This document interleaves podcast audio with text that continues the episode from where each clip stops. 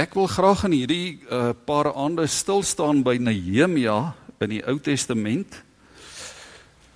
Nou ek wonder altyd hoekom kry ons vir Nehemia so half eintlik relatief van die begin van die van die Ou Testament.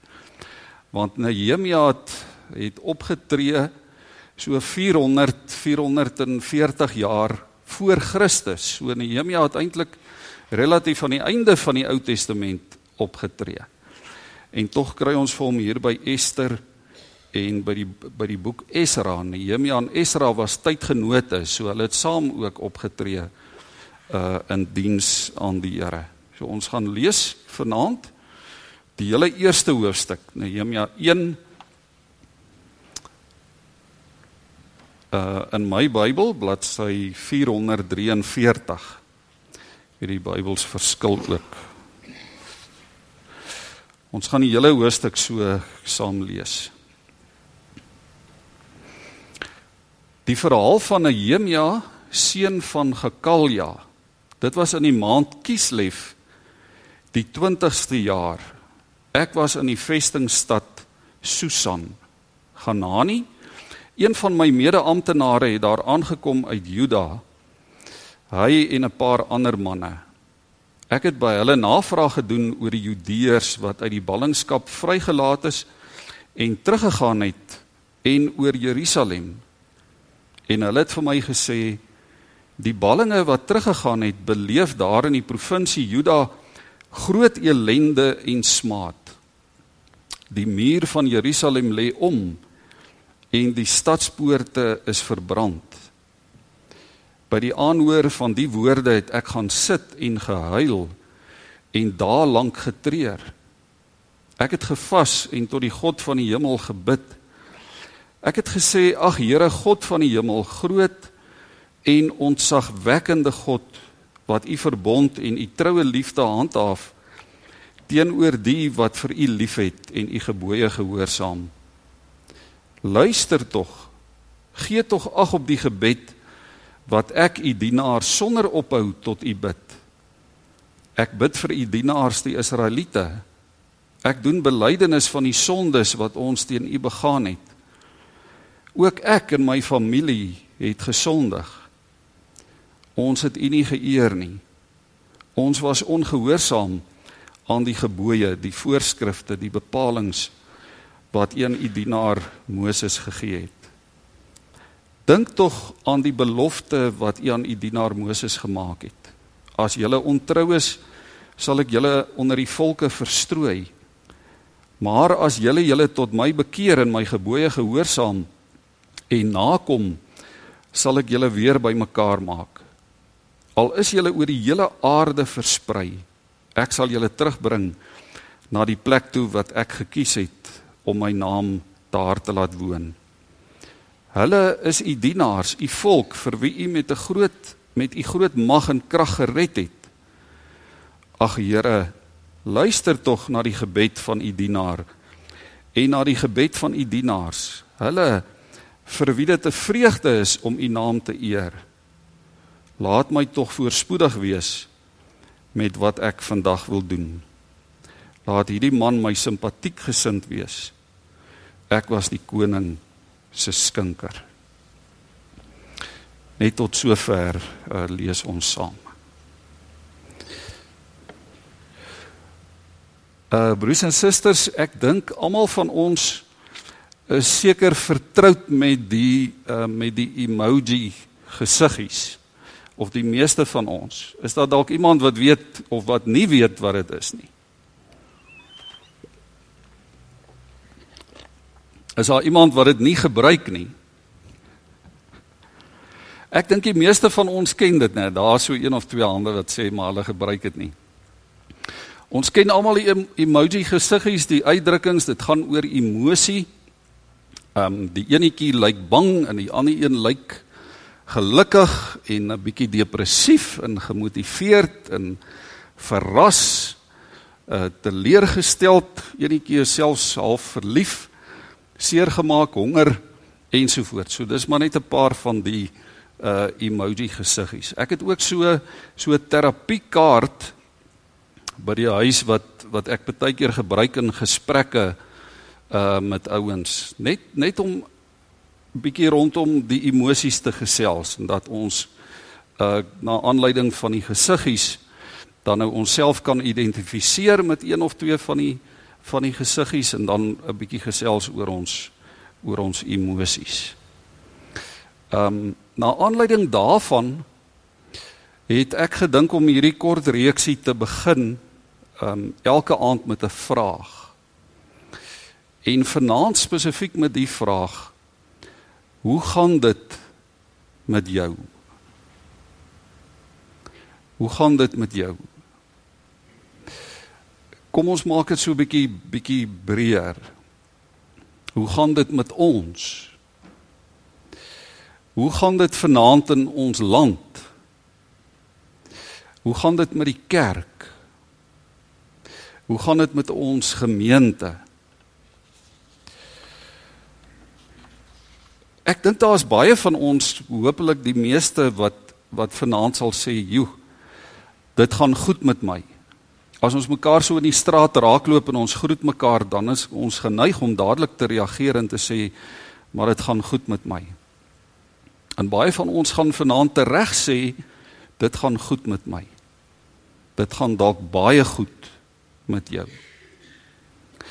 Uh, maar ek het ook die vermoede dat dat ons baie redes het om ook vanaand te sê dit gaan dalk nie so goed nie. Ons het waarskynlik ook rede om te sê maar dit gaan dalk vanaand baie baie sleg. Dit gaan vrot. Ehm um, en nou weet ons vanaand ook maar dit kan nie altyd goed gaan nie. Die lig is nie altyd blou nie. Die son skyn nie altyd helder nie. Dis nie altyd somer nie. Soms is dit winter in ons lewe. Soms is dit koud in ons lewe. Ons beleef baie keer bekommernis en ons ervaar vrees en ons beleef onsekerheid wanneer daar tye van verandering ook oor ons lewenspad kom. Um die lewe maak ons baie keer bang en die lewe maak ons benoud. En nou is die vraag saam met Nehemia uh ook maar hoe moet ons dit hanteer? Hoe moet ons ons omstandighede hanteer? Hoe moet ons ons emosies hanteer? Hoe moet ons reageer ten opsigte van dit wat gebeur in in die wêreld waarvan ons deel is? Ehm um, by Paulus kry ons nogal wonderlike wysheid rondom dit. Net een van die verse wat waarin Paulus sy sy reaksie op dit wat met hom gebeur weergee is Romeine 5 vers 3. Ek dink die hele Romeine is vol vol voorbeelde. Maar in Romeine 5 vers 3 sê Paulus byvoorbeeld ons verheug ons ook in die swaar kry. Want ons weet swaar kry kweek volharding. In volharding kweek egtheid van geloof en egtheid van geloof kweek hoop en die hoop beskaam nie. Want sê Paulus God het sy liefde in ons harte uitgestort deur die Heilige Gees wat hy vir ons gegee het. Miskien moet ek dit net weer herhaal. Dis 'n wonderlike vers. Ons kan 'n klomp preke oor hierdie vers maak as ons dit uitmekaar uithaal. Paulus sê 'n uh, swaar kry kweek volharding. So uit swaar kry vloei kan daar volharding vloei. Volharding kweek egtheid van geloof. En egtheid van geloof kweek hoop. En die hoop beskaam nie. En nou kan ons vra, maar waar wil God ons sy kinders uiteindelik uitbring? God wil ons uitbring by hoop. God wil hê elkeen van sy kinders moet hoop. Moet uitkom by die hoop wat nie beskaam nie. Die hoop wat ons nie in die steek laat nie. Die hoop wat volledig is, wat vol is en wat ook sin en betekenis gee aan ons lewe. En nou klink dit vir my as ek so na Paulus luister en as ons die verhaal van Nehemia ook gaan lees en en dwars deur die woord van die Here kry ons dit dat om uiteindelik by hoop uit te kom moet ons kan vasbyt. En daai vasbyt beteken 'n klomp dinge. Ek het sommer twee prentjies gegoogel uit die uit die weermag daar. Die van ons wat in die weermag was, kry dalk heimwee. Ek weet die ouens het daai tyd net om almal te motiveer sulke T-shirts ook baie keer gedruk met 'n prentjie op van vasbyt min dae, nê. Nee, dan weet jy dis jy staan nou aan die jy jy gaan nou na die einde van jou dienspligtyd toe of is naby aan 'n pas. Dis een van die dae gaan jy huis toe. Ehm um, hierdie vasbyt, hierdie swaar kry, hierdie hardloop en drill en al die al die dinge is uiteindelik die moeite werd. Dis die moeite werd om vas te byt. Want daar's hoop. Ons gaan na huis toe. Ons klaar amper uit. Of die oorlog is verby. Die stryd is amper gestry. Die oorwinning is so te sê behaal.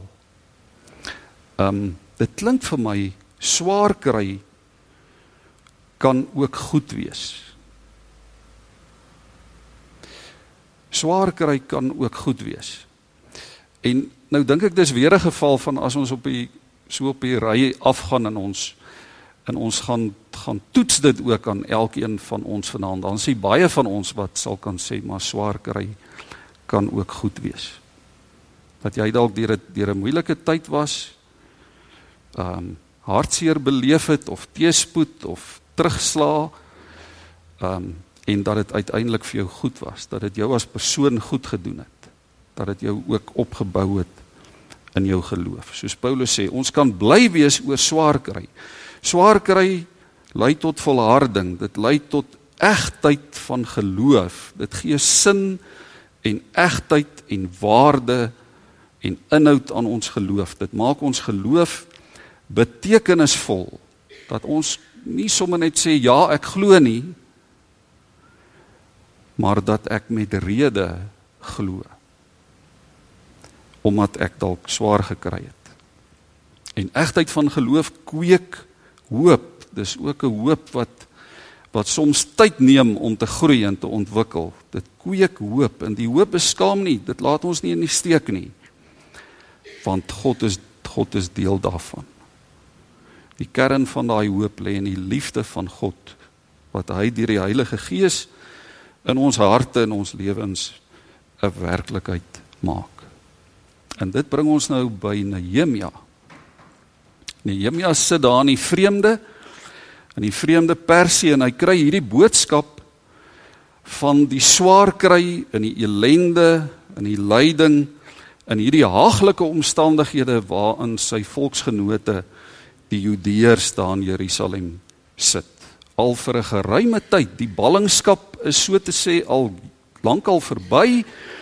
Die oorgrootste meerderheid van die Judeërs die Jode is terug Jerusalem toe maar hulle leef in moeilike omstandighede. En nou kry Nehemia hierdie boodskap van hoe sleg dit gaan in Israel in Jerusalem en wat doen Nehemia? Hy huil. Hy huil, hy treur en hy vas en hy bid. So as as ons nou vanaand vra waar begin herstel?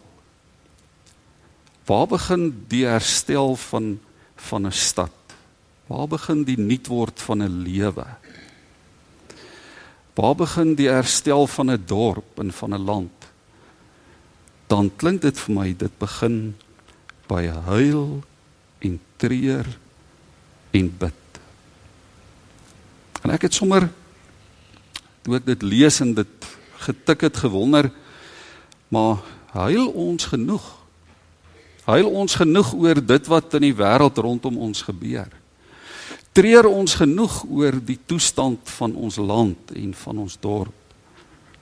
Huil ons genoeg oor onsself? Oor ons eie ellende en ons eie swakheid? Um en so staan Nehemia voor die Here en hy doen belydenis. Hy so hy so broos in sy hartseer oor oor hoe dit gaan daar in Juda dat selfs hierdie heidense koning van Nehemia vra maar wat is fout met jou? Hoekom huil jy? Is jy dalk siek? Is jy hartseer oor iets spesifiek? En hoor hoe antwoord Nehemia hom dan. Nehemia antwoord hom: "Hoe sal ek nie bedruk wees? Hoe sal ek nie huil as die stad waar my voorouers begrawe lê in pyn is en sy poorte verbrand is?" Dis mos onmoontlik. Sê Nehemia. Hy sê dis onmoontlik om nie hartseer te wees oor Jerusalem nie. Dis onmoontlik om nie hartseer te wees oor die ellende van my mense en oor die muur wat nog nie opgebou is nie. So Nehemia staan verleë. Hy staan verleë voor hierdie heidense koning.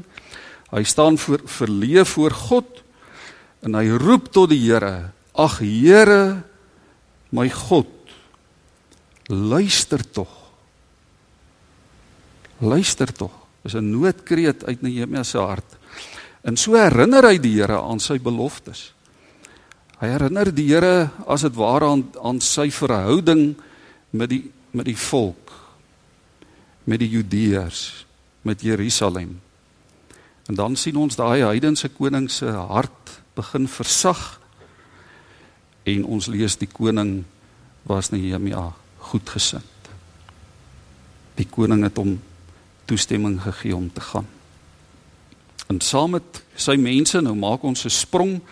Ons gaan so 'n paar keer rondspring ook in die 3 aande. Saam met sy mense begin Nehemia uiteindelik bou aan daai vervalle mure van die stad. Aan die vervalle toestand van van sy volk. En dit is ongelooflik om te lees wat gebeur het rondom daai bouwerk. Wie almal gebou het. Ons lees dat die dat die priesters eerste begin bou het.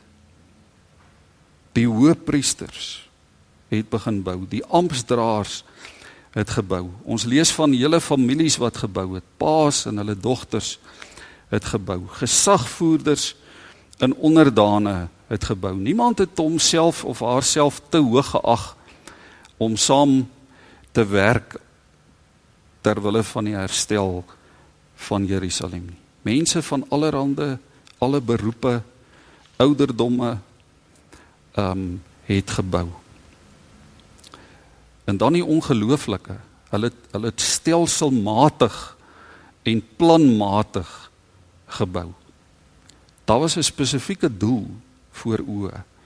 Daar was 'n plan, daar was 'n strategie wat hulle gevolg het. Daar was 'n gemeenskaplike fokus vir hierdie bouwerk. Ons lees hulle bou van toring tot toring. Hulle bou van poort tot poort, van huis tot huis. Steen vir steen en klip vir klip, dag vir dag bou hulle. En uit hulle eie geleedere soos dit maar altyd is, was daar teenstand. Daar was die ouens wat gevra het, "Maar wat doen julle? Waarmee is julle besig? Dit kan tog nooit slaag nie. Dit kan nooit suksesvol wees nie." Dis onmoontlik. Nehemia, dis tyd mors. Dis net 'n droom, dis 'n pie in the sky. Hulle het Nehemia beledig. Hulle het vir hom gesê jy gaan dit tog nie reg kry nie. Hulle het hom uitgelag en hom uitgejou. Ek dink verseker het Nehemia baie meer as genoeg rede gehad om om om die bouwerk te staak. Om te sê maar maar dis nou genoeg. Kom ons gee moed op. Kom ons gooi handdoek in, ons gooi tou op. Dit is te gevaarlik. Hierdie pyn en hierdie chaos is net eenvoudig te veel. Die kool is nie die sous werd nie. Maar Nehemia doen dit nie. Hoor wat sê hy? Inteendeel. Hy herhaal dit 'n hele paar keer. Hy sê die God van die hemel sal ons laat slaag in dit wat ons moet doen. En dan daar in hoofstuk 4 vers 6 lees ons die mense se hart was in die werk. Die oorgrootste meerderheid het Nehemia gesteen met hart en siel met hulle hele hart toegewy aan hierdie taak. Hulle het aangehou bou. En ons kan ons kan agter dit alles Nehemia se stem ook hoor wat hulle aanmoedig die heeltyd. As ons dit gaan lees, lees ons dit ook raak dat Nehemia vir hulle sê maar dink aan die groot en ontzagwekkende God. Dink aan die Here en veg vir julle broers, julle seuns, julle dogters, julle vrouens, julle huise. En dan sê hy ons God sal vir ons die stryd voer. Die God van die hemel sal ons uiteindelik laat slaag in dit wat ons moet doen. En dan lees ons net 52 dae. Net 52 dae vat dit hulle om daai muur klaar te bou. 52 dae se harde werk, swaar kry, beproewings, bedreigings, seker maar versoekings ook om te reageer.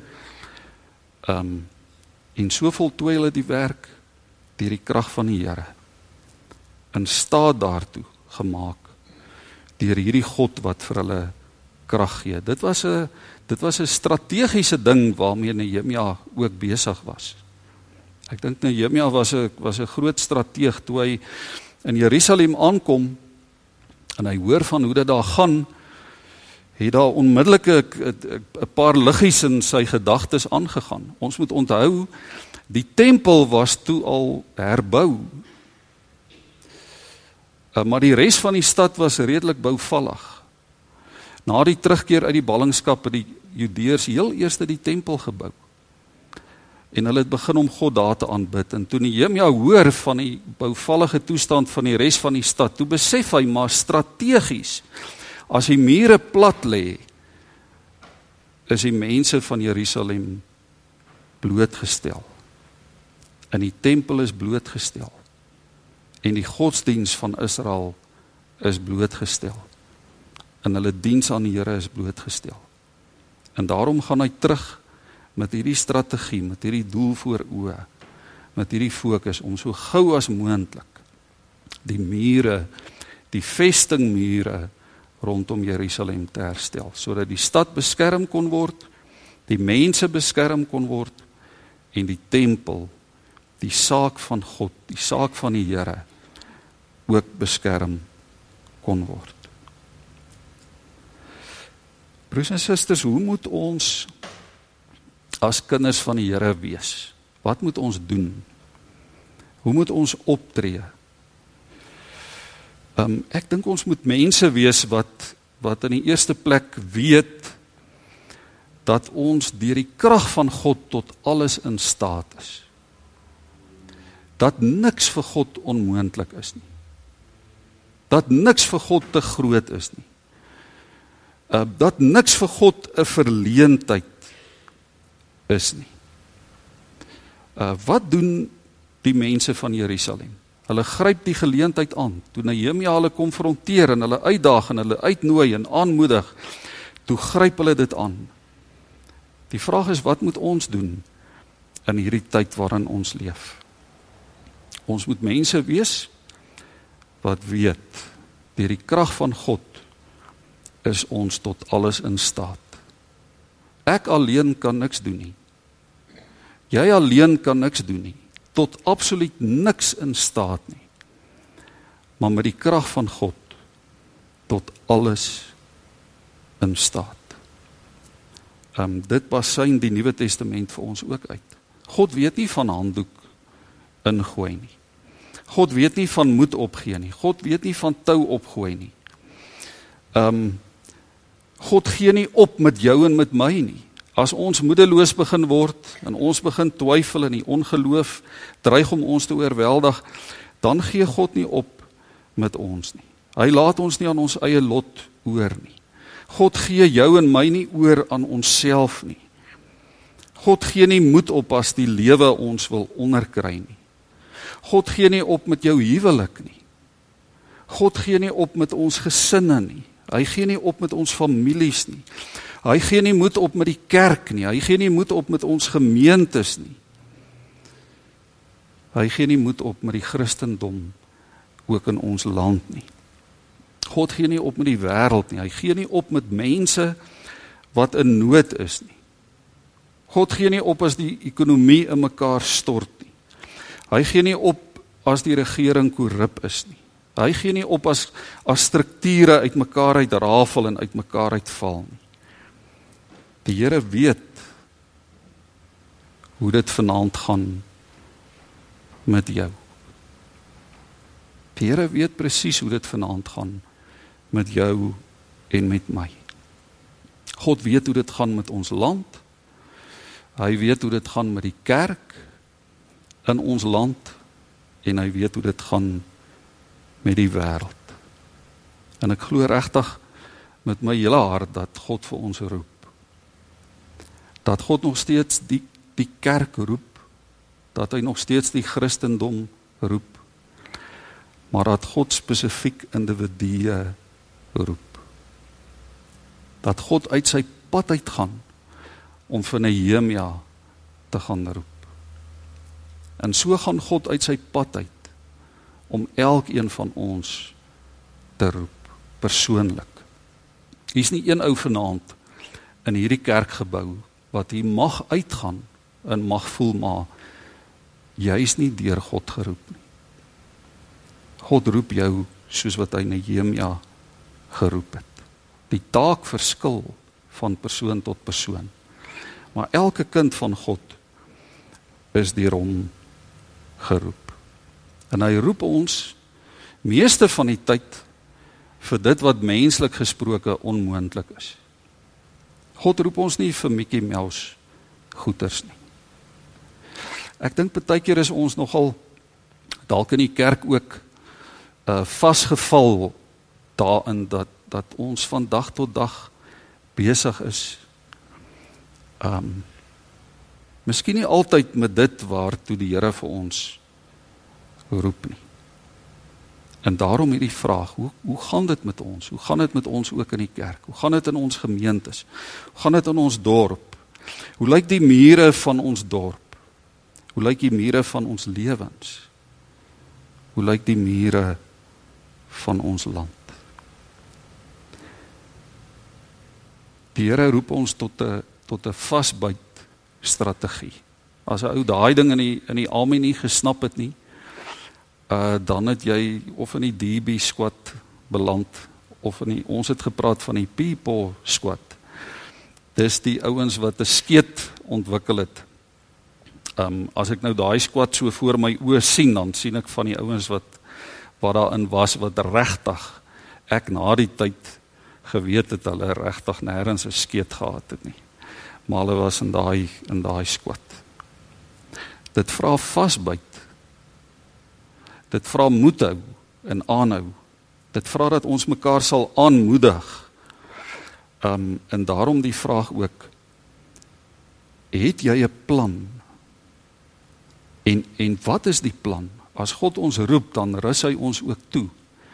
Dan gee hy ook vir ons die plan. Hy gee vir ons sy woord en hy gee vir ons die Heilige Gees wat sy liefde in ons harte werk sodat swaar kry en elende ons nie hoef te oorweldig nie.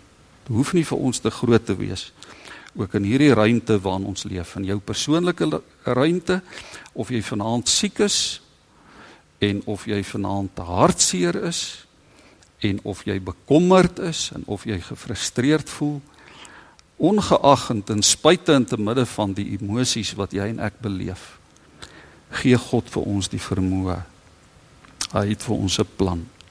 En daar is mure wat herbou moet word. As mure wat herbou moet word die vraag is waar moet dit begin? Waar begin 'n stad se herstel? Dit begin daar waar waar ons persoonlike aanspreeklikheid aanvaar en sê Here maar hier is ek. Hier is ek, gebruik my. Here, ek sien hoe lyk dit in die wêreld rondom my. Ek hoor dit. Ons praat daaroor. Ons deel dit met mekaar. Ek is bekommerd daaroor. Soms is ek bang en gefrustreerd. Soms voel dit ek wil weghardloop. Maar Here, hier is ek. Ek aanvaar persoonlike aanspreeklikheid. Gebruik my, stuur my soos wat U wil.